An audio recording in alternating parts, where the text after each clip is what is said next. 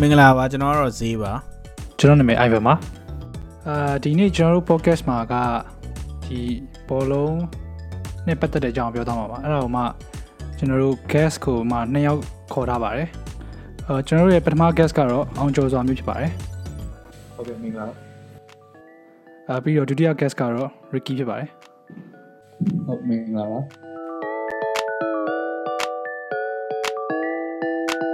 ဆိုတော့ကျွန်တော်တို့ guest တွေကိုမေးခွန်းလေးတွေရင်မေးရနဲ့စသွားမှာပါပထမပိုင်းမှာတော့ဟုတ်ပြီ question 1ကအာ Ricky ကိုရင်မေးလိုက်မယ်နော်မင်းရဲ့ဒီအကြိုက်ဆုံး team ကဘာဖြစ်မလဲအာ Manchester United ပေါ့อือဟึဘာလို့ဘာလို့ကြိုက်တာလဲဆိုတော့ဟိုးအင်းကြီးလေးခဲ့ရတယ်ငါငါအကူကြီးနဲ့နေခဲ့ရတယ် Cousin တွေပိုင်းနဲ့အကုန်ပြီးသားစုအစုံဆိုတော့ အကြီးတွေကလည်း Manchester United fan တွေဆိုတော့ငါလည်းအဲ့လိုမျိုးသူတို့ line နဲ့ပါတော့ပြီးတော့ Man U fan ဖြစ်သွားတာနေပြီးတော့အသေးဆိုဖြစ်သွားပေါ့လေဟုတ်တယ်အဲ့ဒါတော့ဟုတ်တယ်ဘာလို့လဲဆိုတော့မြန်မာပြည်က Manchester United fan တွေတော်တော်များတယ်ကွာဆိုတော့အဲ့ influence ကြီးရှိနေတာကွာငါတို့ထားပါတော့အကိုတွေပါလို့ဆိုလဲအများသောအားဖြင့် Manchester Manchester United fan တွေကြီးပဲအေးဟုတ်တယ်အာဒီဟို family တစ်ခုလုံးကအဲ့လိုရောဘလုံးဝကြီးရလူတွေငါ family ထဲမှာတော်တော်များများ main fan တွေကြီးပဲအေးအဲဆိုတော့အောင်ကျော်စွာမျိုးကကြတော့ဘယ် team ကိုကြိုက်ဆုံးလဲတော့တော့ဒီလီဗာပူးပေါ့နော်အဲအဲ့ဒါဘာလို့ကြိုက်လဲဆိုတော့ဟိုကျွန်တော်ဒီငယ်ငယ်တော့ကအိမ်မှာဦးလေးကအဲ့ဘောဝဲအရန်ဝါဒနာပါကြအဲ့လို crazy တယောက်ရှိတယ်ပေါ့နော်ဦးလေးငယ်ဆုံးကအဲသူကငယ်ငယ်ရလို့ဂျာနယ်တွေပါတွေသူဝယ်လာတာဒီလို poster တွေပါကတ်တာတွေ့ရင်းအဲ့လိုလီဗာပူးအဲ့လိုသဘောကျတယ်လို့ Gerrard တို့အဲ့ကကဟိုပေါ့ Gerrard ရှိမယ်အဲ Peter Crouch တို့နော်အဲ့လိုအဲ့လိုသူတို့တတ်တွေ့ပြီးတော့သဘောကျပါပေါ့နော်ဟုတ်တယ်အဲ့တော့ဟိုပြောမယ်ဆိုရင်လီဗာပူးဖန်ကတော့နဲတယ်ကြာကျွန်တော်တို့ပြီးတော့နေမျိုးဖြစ်တဲ့အတွက်လို့တိတ်မတွေ့ရဘူးပေါ့ဒါပေမဲ့ကျွန်တော်လီဗာပူးတော့တော်တော်ကြိုက်သွားတာဆိုတော့ငယ်ငယ်လေးကနဲ့ Liverpool ကိုကြိုက်ခဲ့တာပေါ့ဟုတ်ပြီဆိုတော့ Ricky ရမင်းဒီ Man U နဲ့ပတ်သက်ပြီးတော့ memories တွေပါရှိတော့ဥပမာငယ်ငယ်တော့ကကျောင်းလစ်ပြီး အဲ Man U ပွဲသွားကြည့်တာတော့ဘာလို့လို့လေးရှိလားအာကျောင်းနေပြီးပွဲတော့ကြည့်ရမရှိဘူးဘာလို့လဲဆိုတော့ငါတို့ time zone တွေကကျတော့ main ပွဲကအမြဲတမ်းညမှာပဲလာနေတာကွာအော်ရတော့နော် memories ကတော့ Arsenal ဟိုဟာ82နဲ့နိုင်တာတော့အဲ့ဒါတော့လောက memory တစ်ခုပါငါအဲ့တော့ငယ်ငယ်လေးပဲရှိတယ်အစနဲ့တားလောက်ပေါ့ Arsenal နိုင်တာ2017ဆိုတော့အဲ့ပေါ်မှာ10နဲ့တားလောက်ပဲရှိအောင်ပါ အဲတော့က82ဝင်းရုံးနေက hat trick ရသွားတယ်ကွာအဲတကယ်လုံးဝအမတ်တရပါပဲအဲ့ဒါတော့ Okay အောင်ကိုအောင်ကျော်စွာမျိုးပါရောအဲ့လို memory တွေပါရှိလဲမသိ Liverpool နဲ့ပတ်သက်ပြီးတော့ Liverpool နဲ့ပတ်သက်ပြီး memory ကတော့ဒီလိုပေါ့ကွာဒီသူ့ပွဲစကြည့်ဘူးတာဒီ Champion League ဘိုလိုပဲ final လေ2009မှာ AC Milan နဲ့ Liverpool နဲ့ကန်တဲ့ပွဲအဲ့ပွဲကိုတော့ပထမဆုံးအစဆုံးကြည့်ဘူးရပွဲပေါ့နော် ဒါပေမဲ့ကန်ဆိုးတာ Liverpool ကအဲ့ပွဲမှာရှုံးသွားတယ်ပေါ့ဒီ AC ကို2-1နဲ့อืมအဲ့ကိက AC မှာဟိုလူကောင်းတွေအများများကြာအင်ဇာဂီတို့ကာကာတို့ဟိုဘယ်လိုပြောမလဲပီယာလိုတို့အဲ့လိုပေါ့တကယ်တမ်းဒီကစားသမားတွေရှိနေချက်ပြီးတော့ AC ကလီဗာပူး2005မှာရှုံးထားတယ်တဲ့မှာအဲ့လိုရှုံးတော့ကျုံးကြီးပြန်ဆက်မဲ့သဘောပေါ့ပဲအဲ့လိုလီဗာပူးကလည်းအဲ့တော့ဟိုဟာဂျယ်ရတ်ရှိမယ်အဲ့စမှာဒီနယ်သာလန်တက်ကောက်လို့ရှိမယ်ပြီးတော့မာရှီယာနိုတို့ရှိမယ်ပေါ့နော် အဲ့လိုပွဲရတော့အပြိုင်ဆိုင်ပဲဒါပေမဲ့ဟိုအင်ဇာဂီကနှလုံးအရင်တွင်းလိုက်တယ်အဲ့မှာလီဗာပူးမျောလင်းချက်မဲ့သွားပါတော့ပြီးတော့ပွဲပြီးကန်ဒီမှာတက်ကောက်ကတကူပြန်ထည့်လိုက်တော့အဲ့မှာလီဗာပူးက2-1နဲ့ရှုံးပြီးတော့2-1နဲ့ဆွဲသွားပွဲပေါ့ဟုတ်ပြီ okay Ricky မင်း Man U နဲ့ပတ်သက်ပြီးတော့အဲဝယ်ထားတဲ့ souvenir တွေပါရှိလားဥပမာခွတ်မှာခွတ်တို့ပါတော့ကွာချာစီတို့ မင်းတို့တက်တက်ပြီးဝယ်ထားတော့အများကြီးပဲပေါ့ကွာငါတဲ့အာဝယ်ထားတော့ရှိဘူးရှိမယ် Chelsea ဆိုရင်အနည်းဆုံးတော့10ထည်လောက်တော့ရှိမယ် Loy A ကတော့နှစ်ခုရှိတယ်ပြီးရင်အာ8တီတီလေးလည်းရှိတယ် key chain တွေလည်းရှိတယ်နိုင်လည်းရှိတယ်ပေါ့အာမိန်မဲ့ပတ်သက်ပြီးတော့ဝယ်ထားတဲ့ souvenir လေးပေါ့ဟွန်းတော်တော်များပဲ ဟုတ်ပြီကိုအောင်ကျော်စွာမျိုးပါရော Liverpool fan နေနဲ့အဲ့လိုပစ္စည်းလေးတွေပါရှိလားအဓိကကျွန်တော်ဒီ jersey ရေပေါ့နော်ဒီအတင်းအိမ်ကြီးတွေရှိမှာကြာပြီးတော့ကျွန်တော် key chain လေးတွေရှိမယ်အဲ့လိုနောက်ဟို mat ခွက်လေးပေါ့အဲအဲခွက်လေးတွေရှိမယ်ပြီးတော့နောက်အဲ့လိုကဟာလို့ပြောမယ်အိတ်အိတ်တယ်ကြောပိုးအိတ်တို့ဘာလို့အဲ့လိုဟာမျိုးတော့ရှိတယ်အဓိကတော့အိတ်ကြီးပဲဝယ်ပြတာများပါတယ်ဟုတ်တယ်အင်ကြီးကဝဲရတယ်လွယ်ရဟုတ်တယ်ဟွန်းဟုတ်ပြီ Okay Ricky ငါတို့ Premier League ကြောင်ပြောအောင်ဆိုတော့အခုအခုဒီ Premier League season မှာ Man U ရဲ့အခြေအနေကိုမင်းသဘောကျနှစ်သက်လားအာအခုကစပဲရှိသေးတာငါပွဲပဲကန်ရသေးရဆိုတော့ဘာမှတော့ပြောလို့မရပါမယ်ဒါပေမဲ့အားတော့မရဘူးပေါ့ကွာငါပွဲမှာနှစ်ပွဲနိုင်နှစ်ပွဲရှုံးနှစ်ပွဲရှုံးတစ်ပွဲတည်ခုနမှတင်တဲ့အဆင့်15ရောက်နေဆိုတော့ ဘလို့မှတော့အားမရပါမယ် season အစဆိုတော့ဘာမှတော့ပြောလို့မရသေးဘူးပေါ့အဆင့်ရတော့15ဖြစ်နေနော် Okay ဟုတ်ပြီကိုအောင်ကျော်စွာမျိုးอ่ะဒီ Liverpool ကအခု Premier League မှာအချိန်တော်တော်ကောင်းနေတာဆိုဘယ်လိုဘယ်လိုထင်လဲမသိဘူးဘယ်လိုထင်လဲဆိုတော့ကျွန်တော်ဒီ Liverpool ကိုပေါ့ဒီနှစ်ကတော့တိတ်ပြီးတော့မထင်ဘူးပေါ့ဗျာ။ဘာလို့လဲဆိုတော့အခုဒီ injury ကခဏခဏဖြစ်လာပြီ။ဖြစ်လာတယ်ပြီးတော့နောက်ဟိုဂျာတီစာတော့ကတော့သိ ရမှာလားနည်းနည်းနိုင်ပွဲလေးရတော့ဒီနှစ်တော့ကောင်းပါပဲလို့တွေးမိတယ်။ဒါပေမဲ့နောက်ပိုင်းပွဲတွေမှာနည်းနည်းဘယ်လိုပြောမလဲ။အဲ့လိုကစားသမားတွေနည်းနည်းနာတာတို့တခြားအတင်းတွေကလည်းဟိုပြောလို့မရဘူးအခုအခုအချိန်တွေကအတင်းလေးတွေကပါထထကောင်းတယ်ဒီမှာဘလုံးပဲအဲ့လိုဟိုအဆွန်ဗီလာရှုံးရပွဲဆိုလည်းကြည့်တယ်ကျွန်တော်လုံးဝအဲ့လိုမျိုးမထင်ထားဘူးတဲ့မှာဒီလို Premier League Champion တင်းနေနဲ့အဲ့လိုအတင်းအလက်အလက်အလက်စားပြီးတော့မဟုတ်အဲ့လိုအတင်းကိုဒီလိုကိုပြက်ကြီးရှုံးရဆိုတာဘ လို့မှမဖြစ်တယ်ဗျာလေပြီးတော့အဲ့ဒီမှာဘူးရဲ့အခု form ကတော့ဟိုကျင်းနေတယ်လို့တော့ပြောလို့ရပါတော့ဒီနှစ်တော့တော့ဟုတ်ပြီ Ricky အခုအာမနစ်က28ချိန်မြောက် Premier League မှာရောအဲ့ Man U ကနံပါတ်3အနေနဲ့ပြီးသွားခဲ့ရဆိုတော့မင်းအဲ့ဒါကိုအားရရလားအာမန်ယူဖန်တယောက်အနေနဲ့တော့အားမရဘူးပေါ့ဟိုကပြောရရင်တော့အာကိုယ်အသင်းကိုထိတ်မှပဲရစေချင်တာပေါ့ဒါပေမဲ့ ကိုယ်အစင်နဲ့ကိုယ်ရှိတဲ့လူနဲ့ကိုယ်ကစားကစားကွက်တွေပိုင်းနဲ့ကတော့အာထိုက်တန်တယ်လို့တော့ပြောရမှာပဲဖြစ်တယ်ဖြစ်တယ်ပေါ့ Okay ပြီကိုအောင်ကျော်စာမျိုးပါရောမနစ်က Liverpool ကဒီ Premier League ကိုနိုင်တာဆိုတော့နိုင်တာအောင်မှဘယ်လောက်ထိဝမ်းသာလဲပြီးတော့အာနိုင်မယ်လို့ရောမျှော်မှန်းထားလားမသိဘူးအဲကျွန်တော်အဲ့လိုပေါ့မနှစ်ကဒီဘာဘူးကလေဟိုတောက်လျှောက်ရလက်တွေကောင်းပြီးတော့နော် လက်တွေနဲ့လို့ဖြတ်ထားတာတော့မမျှော်လင့်ဘူးပြန်တည့်ရမှာလားအမှန်ဆိုအဲ့လိုကတ်ပြီးပဲနိုင်မယ်လို့တော့ထင်မိတာပေါ့နော်မနှစ်ကစုဖွဲ့ရတော်တော်ကောင်းတာပေါ့အဲ့လိုဖလားရသွားဆိုတော့ဘယ်လိုပြောရမလဲတော်တော်ပြောတာဗျာဒီလားဒီဖလားလုံးဝပရီးမီးယားလိဆိုတာလီဗာပူးကလုံးဝဟိုနာမည်ပြောင်းပြီးတဲ့မရဘူးဗျာဟုတ်ဟမ်အဲ့ဒါပထမဆုံးတစ်ခုပေါ့ဒီပေါင်းတော့ကျွန်တော်တို့တော့မမွေသေးဘူးပြောရရင်ဆိုအဲအဲ့လိုအချိန်မျိုးမှာရသွားတယ်ဗျာဒါပေမဲ့ရတာလည်းနည်းနည်းဟိုပါပေါ့ ပျော်စရာကောင်းပေမဲ့လို့ပြောရမယ်ဒီကိုဗစ်ဖြစ်တဲ့ချိန်မှာကိုယ်နဲ့ပြိသက်မဝင်ရတာလို့ဘာလို့လဲဆိုင်တော့နည်းနည်းတော့ဟိုပါပေါ့နော်တိတ်ချိန်နေကြီးတော့မဟုတ်ဘူးနော်အဲ့လိုတော့ဖြစ် Okay ဟုတ်ပြီအဲ Ricky မင်းအခုဒီ Manchester United မှာ favorite player ရှိလားအဲ all time ပေါ့အစဆုံး all time favorite player ကတော့ Wayne Rooney ပေါ့အဲ့ဒါကငါအင်္ဂလိပ်ကစကြည့် စကြည့်ကြ Wayne Rooney ကိုတော်တော်ကြိုက်တယ်ကြိုက်ပြီးတော့အဲ့သူထွက်သွားတော့လေ Everton ထွက်သွားတော့လေတော်တော်ဝမ်းနေပါတယ်အဲ့ဒါ Wayne Rooney က Man U ရဲ့အခုအခုထိ all time top scorer အဲ့အဲ့ record လည်းရှိထားတယ်ပြီးသူကအဲ့သူ့ရဲ့ career Man U career နောက်ပိုင်းမှာဆိုရင် club ရဲ့ captain လည်းဖြစ်သွားတယ်အာအဲ့တော်တော် Wayne Rooney တော်တော်သဘောကျပါတယ် သူက leader တယောက်လည်းဖြစ်တယ်အဲ့ goal scoring ဟို skills တွေကလည်းကောင်းတယ်ပေါ့အဲ့လိုမျိုး midfield မှာလည်းစောနိုင်တယ်ရှေ့တန်းလည်းစောနိုင်တယ်အာကိုလေးရှူတယ်ကိုလေးရွှေတိုင်းဟိုအတင်းတော့လိုတဲ့နေရာမှာဖြည့်စောနိုင်တယ်ပေါ့အနောက်ကိုဆင်းပြီးတော့ track track ဆိုရင်လည်းသူက track နိုင်တယ်ပေါ့အတင်းတော့အကုန်လုံးနေရာအကုန်လုံးတော့ဆော့ပေးနိုင်တဲ့ကစားသမားတစ်ယောက်ပေါ့အဲ့လိုမျိုးမြင်ပါတယ်လို့မြင် Okay ကိုအောင်ကျော်စာမျိုးကရောဒီလီဗာပူးမှာ all time favorite player ရှိလားမသိဘူး။ Okay ရှိတယ်ဗျ။ဟိုကတော့ကြိုက်ဆုံးပေါ့နော်ဒီလိုဒီတောက်လျှောက်မှာကြိုက်ဆုံးက Steven Gerrard ပေါ့နော်။ Steven Gerrard ကလုံးဝပြန်ဒီအသင်းပေါ်သူ့ရဲ့တစ္ဆာရှိမှုတွေပေါ့နော်။ပြီးတော့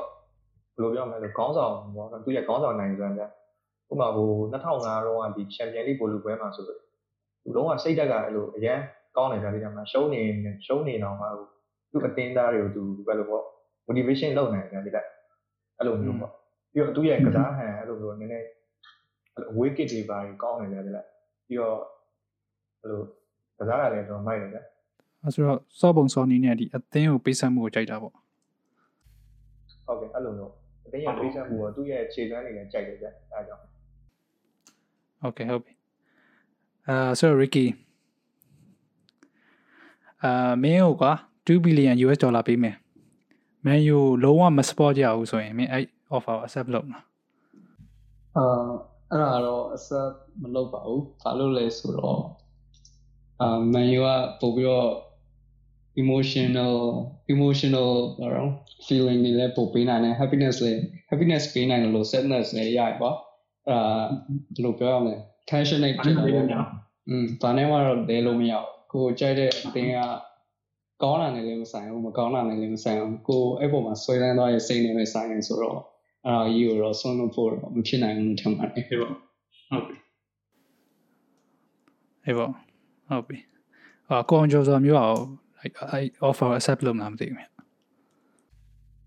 အဲအဲ့လိုတော့မလုပ်နိုင်ဘူးပေါ့နော်။ဘာလို့လဲဆိုတော့ဒီအတင်းကကျွန်တော်အရန်သဘောကျတယ်။ပြီးတော့ခုနကကိုရီပြောလို့ပေါ့ဒီအတင်းတင်းအားပေးတဲ့ဟာသူတို့ emotion နဲ့လိုမျိုးဖြစ်စေတယ်ရဲ့မှာ အဲ့လိုကြောင့်ဟိုကပြုတ်အစလုပ်နိုင်တာဘောလုံးကဟို sport တစ်ခုအနေနဲ့လည်းမဟုတ်တော့ဘူးပေါ့ဟုတ်အဲဆိုတော့အခု Ricky ဒီ Man U မှာ legend တွေဖြစ်ခဲ့တဲ့ Beckham နဲ့ Rooney ရှိမယ်နော်အဲ့ဒါဟိုမှာမင်းကသူတို့နှစ်ယောက်ကိုကွာအာထားပါတော့ဘယ်တော့မှမ age တော့ဘူးကွာ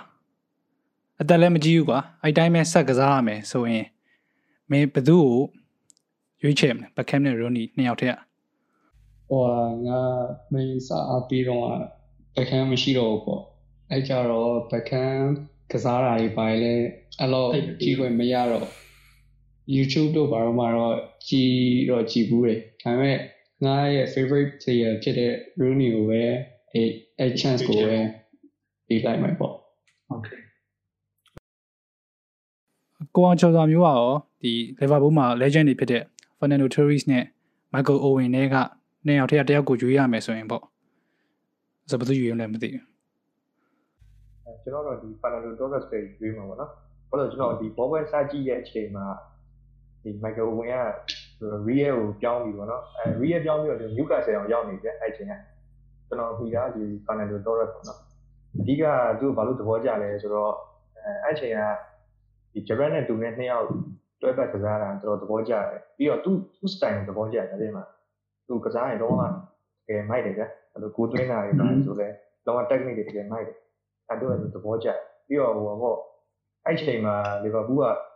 ပြောရရင်နည်းနည်းနေနေနေအချိန်များတယ်ဟိုအတင်းကဘယ်လိုပြောအဆင့်လေးတွင်းဝင်အောင်ပဲအချိန်ဆိုတော့နည်းနည်းဟိုဖြစ်တဲ့ချိန်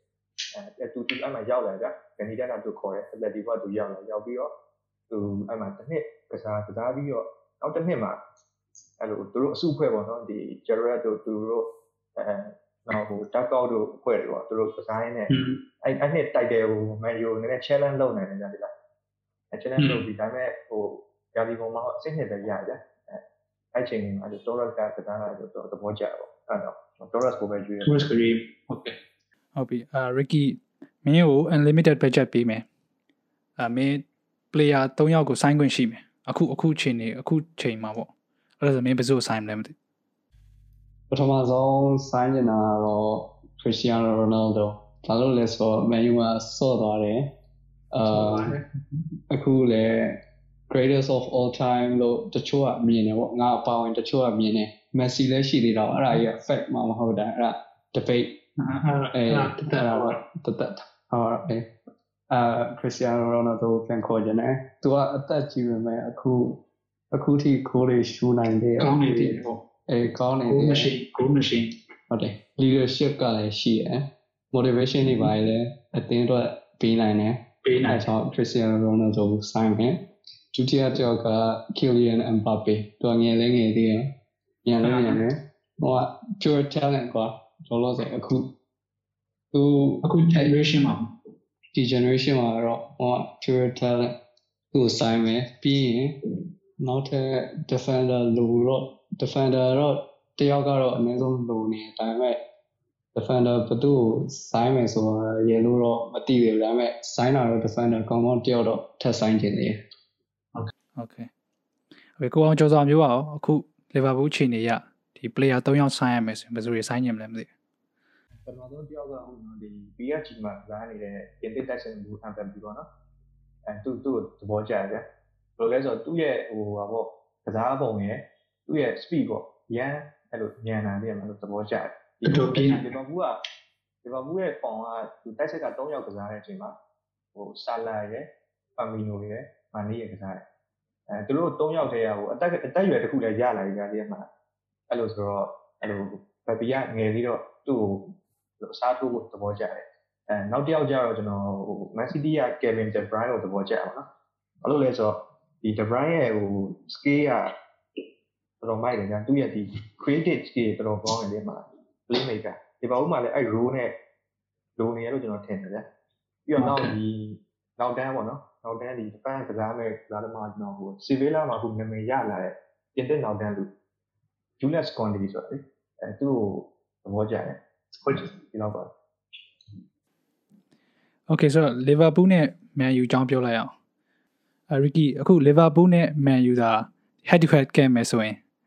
ဘယ်အသင်းကနိုင်မယ်လို့ထင်တော့ပြီးတော့မင်းကြိုက်တဲ့မန်ယူရဲ့ဒီ advantage နဲ့ disadvantage တွေတစ်ချက်ပြောကြည့်ပါလားအဲ့ဒါတော့ဖြေကတော့တော်တော်ခက်မယ်လို့ငါထင်တယ်ပေါ့ဘာလို့လဲဆိုတော့အခုကဘာမှခံမှန်းလို့မရသေးဘူးမန်ယူက form ကကောင်းလိုက်ကြားလိုက်လီဗာပူးလည်းလီဗာပူးကတော့လောလောဆယ် form ကမန်ယူထက်တာရပါအဲ့ဒါတော့ အဲ့ဒါပေါ့အဲဒါပေမဲ့လီဗာပူးနဲ့မန်ယူ head to head တွေ့မယ်ဆိုရင်တော့တော်တော်တော့ခံမှန်းရခက်လိမ့်မယ်ဒါ50 50မဟုတ်အာ60 40ပေါ့လီဗာပူးဘက်ကတော့နည်းနည်းတာတယ်ဘာလို့လဲဆိုတော့လွန်ခဲ့တဲ့နှစ်တွေမှာလီဗာပူးကချန်ပီယံလိလည်းရထားတယ်အာပရီးမီးယားလိလည်းထည့်ရထားတယ်အဲ squad ကြီးကရှိနေသေးတယ်ဒါအော် injury ကလည်းအခုလီဗာပူးနည်းနည်းတော့အားရောသွားတယ်ပေါ့อืม ဒီကောင်ကတော့ဖြေရခက်ပြီပဲငါထင်တာတော့60 40ပေါ့60 40ရောအေးရော55 45 left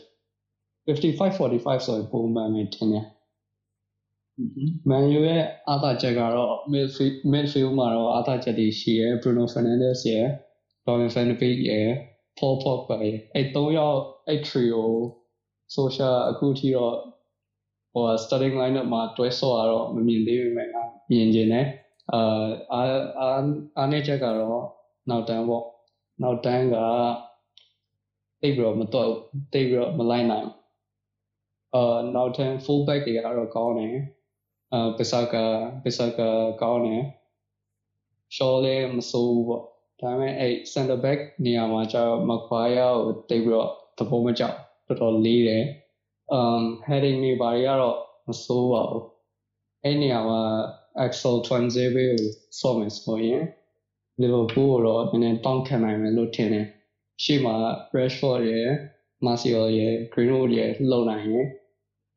Liverpool ကိုอืมကိုအဲတကူနှစ်ကူလောက်တော့ရနိုင်မယ်လို့ထင်တယ်။ကြိုင်တော့ပတ်သက်ရအောင်။ Okay. ဟုတ်ပြီအာကူအောင်ကျော်ဆိုတာမျိုးอ่ะအခုလီဗာပူးမှာလည်း injury ဖြစ်နေတဲ့ player တွေလည်းရှိရဲဆိုတော့အခုအခုချိန်မှာ Man U နဲ့ကဲမယ်ဆိုရင်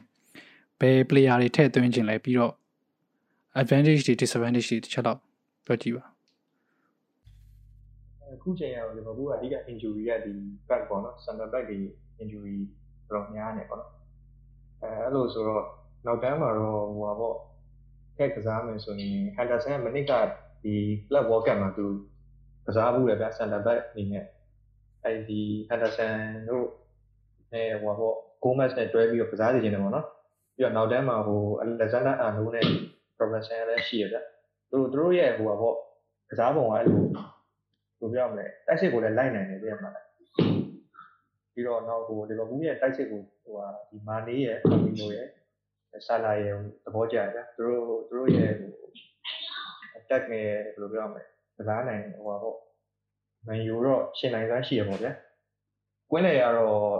Wishnelden တို့နောက်ဟိုဟာဒီသူခေါ်ထားတဲ့ဒီတီယာဘူပေါ့နော်ဒီနှစ်ကဖိုင်ရခေါ်တာတီယာဘူတို့ပြီးတော့ဟိုအဲ sorry ကီတာတို့ရှိနေတယ်အဲသူတို့သူတို့သူတို့ထက်ကစားနေလို့တော့ထင်တယ်ပေါ့နော်အဲပြီးတော့လီဗာပူးမှာကြိုက်တာတော့ကျွန်တော်ဒီ attacking ဟိုသဘောကျတယ်ဗျသူတို့ကစားတာဆာလာတို့မန်နေတို့ဖာမီနိုတို့ဒါပေမဲ့ဒီနှစ်မှာဖာမီနိုနည်းနည်းခြေသွမ်းကျလာတယ်လို့ထင်တယ်ဟိုဘာကြောင့်လဲတော့မသိဘူးပွဲပန်းလာလားဒါမှမဟုတ်ဟိုကစားပုံပြောင်းလဲတာကြောင့်တော့မသိဘူးဖာမီနိုနည်းနည်းခြေကျတယ်ဗျအဲနောက်တော့လီဗာပူးကအခုခေါ်ထားတဲ့ဂျိုတာဆိုတာဟိုဟိုဒီမူကူကခေါ်ထားဂျိုတာပေါ့နော်သူလည်းဒီ attacking မှာကောင်းကောင်းကစားနိုင်တာတွေ့ရတယ်ဒီပွဲတွေနှစ်ပွဲသုံးပွဲလောက်ရှိတယ်သူဂိုးသွင်းတာပေါ့ပြီးခဲ့ channel လေးမှာလည်းသူဂိုးသွင်းထားတယ်ဗျ ဒီဘောက်မှာမကြိုက်တာဘာမကြိုက်လဲဆိုတော့အခုလက်ရှိရတော့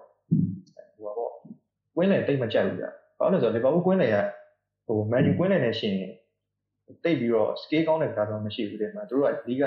ဒီ Jurgen Klopp ရဲ့ formation အောက်မှာကောင်းကောင်းကစားနိုင်တဲ့ player တွေပြင်တော့ Wijnaldum တို့ Anderson တို့ဆိုတခြားအသင်းမှာတော့ကစားရင်နည်းနည်းတိုင်ပတ်နိုင်တယ်ဗျဒီမှာအဲ့လိုတော့ရှိတယ်ပေါ့အခုကံမယ်ဆိုရင်တော့ကျွန်တော်ထင်တာတော့ အဲ့လိုပေါ့ဟို50 50ပေါ့နော်တရေကြဖို့အဲ့လိုပဲထင်နေတော့ okay အဲရီကီမင်းခုမန်ယူရဲ့ဒီမန်ယူကန်ခဲ့တဲ့မန်နေဂျာအကုန်လုံးထဲမှာမင်းဘယ်မန်နေဂျာကိုကြိုက်ဆုံးလဲအမ်ငါငါတော့ကတော့ငါတော့တယ်မဟုတ်ဘူးပေါ့မန်ယူပရိသတ်တွေအားလုံးအတွက်ကတော့ Sir Alex Ferguson အကြိုက်ဆုံးဖြစ်လိမ့်မယ်လို့ယုံကြည်တယ်။အဲ့လိုလဲဆိုတော့သူတက်တန်း26နှစ်မှာ မန်ယူအားလုံးပေါင်းဟို trophy 38ခုရအောင်လုပ်ပြီးသွားတယ်။ဒီထဲမှာ Premier League အဲ့တော့73ခုပါတယ်ပေါ့။ဇန်နဝါရီကတော့အကြီးဆိုလို့ Champion League နှစ်ခုရသွားတယ်။အဲ့အတွက်လည်းဟို Ferguson ကိုကြိုက်တယ် Ferguson ရဲ့ management ကိုလည်းကြိုက်တယ်သူရဲ့ motivational speak အဲ speeches တွေကိုလည်းကြိုက်တယ်ပြီးရင်သူကစားပုံတွေကလည်း မိုက်တယ်ပေါ့ဘယ်လိုလဲဆိုရင် Europe မှာတော့မှ Man U ကိုတော့အကုန်လုံး Europe ကအသင်းတွေအကုန်လုံးကဟိုကြောက်နေရတဲ့အခြေအနေတစ်ခုထိရောက်အောင်သူလုပ်သွားနိုင်ခဲ့တယ် for လောက်တော့ခဲ့40 times ဆိုတာလည်းရှိရဲအဲ့ဒါ Man U ကနောက်ဆုံး minute ဒီမှာအမြဲတမ်းအမြဲတမ်းတော့မဟုတ်ဘူးပေါ့တော်တော်များများ goal shoot နိုင်ခဲ့တယ်1999 Champions League Final မှာလည်း Sheringham နဲ့ Social နဲ့ Turkey time မှာရှိသွားတယ်အဲ့ဒါအဲ့ဒါလည်းမဟုတ်အခုထိပါ Man U ကအဲ့ last minute goal တွေအများကြီးရှိသေးတယ်ပေါ့အဲ့ဟာကသူဟိုဟာသူ့ရဲ့ legacy မှာပါသွားရပြီးကြရင်အခုထိလည်းအဲ့ legacy ကိုအခု Man U အသင်းကလည်းထပ်ပြီးတော့စွမ်းဆောင်နိုင်သေးရဲ့လို့တော့ယုံကြည်ရပေါ့အဲ့ကြ Ferguson ကဒီ Man U အတွက်တော့တော့อืม Man U ရဲ့ဖခင်လို့လည်းပြောလို့ရတယ်ပေါ့သူ့ရဲ့ ဟိုဟာရုပ်ထုတော်မှာ Man U ဟိုဟာ Old Trafford ရှိမှရှိတယ်ပြီးရင် Stan လည်းရှိတယ်ဟို Sir Alex Ferguson Stan ဆိုပြီးတော့သူ့ရဲ့သူ့ဟိုဟာလုပ်တဲ့ computer အနေနဲ့ Old Trafford ရဲ့ um seating area site တစ်ဖက်ကိုနာမည်ကြောင်းထားရပေါ့ဟုတ်ပြီအဲကြောင့် Ferguson အကြိုက်ဆုံးပါဟာအခုအောင်ကျော်စွာမျိုးကရောအခုဒီလီဗာပူးမို့ကန်ခဲ့တဲ့မန်နေဂျာထဲမှာဘယ်မန်နေဂျာကိုကြိုက်ဆုံးလဲမသိဘူး ကျွန်တော်အခုဒီလက်ရှိကင်နေတဲ့ Jurgen Klopp ပဲသဘောကျတယ်နော်သူရောက်တော့မှဟိုလီဗာပူးကပြန်ပြီးတော့ဗျာဟို rotation ကိုဒီတင်းပြန်ဖြစ်သွားပေါ့ဒီတော့ကဆိုအခြေအနေတော်တော်ဆိုးနေတာအဲလီဗာပူးက Champions League ဝင်ဝင်မရတာလို့ Europa League မှာစင်းကန်ရတယ်ဗျာအဲ့လိုဖြစ်နေတဲ့အချိန်ပေါ့နော်ပြီးတော့ဟိုရှိတဲ့ကစားသမားတွေကလည်းစာမန်ကစားသမားတွေဖြစ်နေတယ်ကျွန်တော်အဲ့ချိန်မှာ Garrett ကလည်းတင်းရထွက်သွားပြီဗျာကောင်းကဘလူးကခေါင်းဆောင်လို့ခေါင်းဆောင်မှန်းလည်းမသိဘူးအဲ့လိုဖြစ်နေတော့ဒီ Brandon Rodgers လက်ထက်အောင်နော် ဒါကင်ကလော့ရောက်လာတဲ့အချိန်မှာသူကဘယ်လိုပြောမလဲသူရှိနေတဲ့ကစားသမားတွေကိုသေချာချာပြန်ပြီးတော့စုစည်းလိုက်ပြီးတော့ဟိုဒီသူ့ရဲ့ကစားပုံကဆိုအဲ့အဲ့တော့လီဗာပူးကိုဒါကင်ကလော့စောက်ကင်တော့ဆိုသူ့ကစားပုံ heavy metal လို့တော့မှခိုင်းနိုင်ကြအရန်ကစားရတယ်မှာအဲ့အဲ့လိုပုံနဲ့ကစားပြီးတော့နောက်နှစ်တွေမှာသူအပြေးအဝကင်ရတဲ့ຢာဒီရောက်တဲ့ချိန်မှာသူသဘောကျတဲ့ကစားသမားပေါ့နော်ဥပမာသူမာနီတို့ဆာလာတို့အဲ့လိုခေါ်လိုက်တယ်ပေါ့နော် ပြီးတော့ဒီဗန်တိုက်ကိုလည်းသူတော့စန်နေနေပြောင်းရွှေ့လေးအဲ့အဲ့ချိန်စန်နေနေပြောင်းရွှေ့လေးနဲ့သူခေါ်တယ်ပြီးတော့တခြားလိုအပ်တဲ့ဟိုပေါ့အလီဆန်ဘကာပေါ့ဒီကိုကီပါနေရာတွေပါခေါ်လိုက်ပြီးတော့ရဲ့တကယ်အတင်းကြီးတင်းပြန်ဖြစ်အောင်ဒီတိဆောက်ပေးရပေါ့ဗျာပြီးတော့သူကဘာလို့သဘောကျလဲဆိုတော့သူ့ရဲ့ဟိုပေါ့ personality ပေါ့နော်ကစားသမားရဲ့တော့အရန်နှွေးထွေးတယ်ဗျာသိရမလားတော့ဟိုသူနီးပြပဲဆိုပြီးတော့ အဲ့လိုပုံစံမနေဘူးကစားသမားနဲ့တကယ်တကယ်ချင်းလိုပဲရင်းနှီးဆက်ဆံမှုရှိတယ်ပြီးတော့ဟိုတခြားတင်းတွေကိုလည်းအဲ့လိုဟိုသူ့အနေနဲ့ပတ်ရှိရဗျာအဲ့လို gentleman ဆန်တယ်ပေါ့နော်အဲ့အကြောင်းသဘောကျပါကြာတယ်တော့ပြီးတော့ဟိုဒီဒီဘာဘူးလုံးဝမရသေးတဲ့ Premier League ကိုသူရအောင်ယူပေးပါတော့ဒီ Premier League လို့စကြောင်းပြီးရရခဲ့တဲ့ဒီတိုက်တယ်ကိုသူရအောင်ယူပေးခဲ့ပါတော့အဲ့လိုချက်လက်တွေကြောင့်ကြာတယ်တော့ပေါ်ကြပါတော့ဟုတ်ကဲ့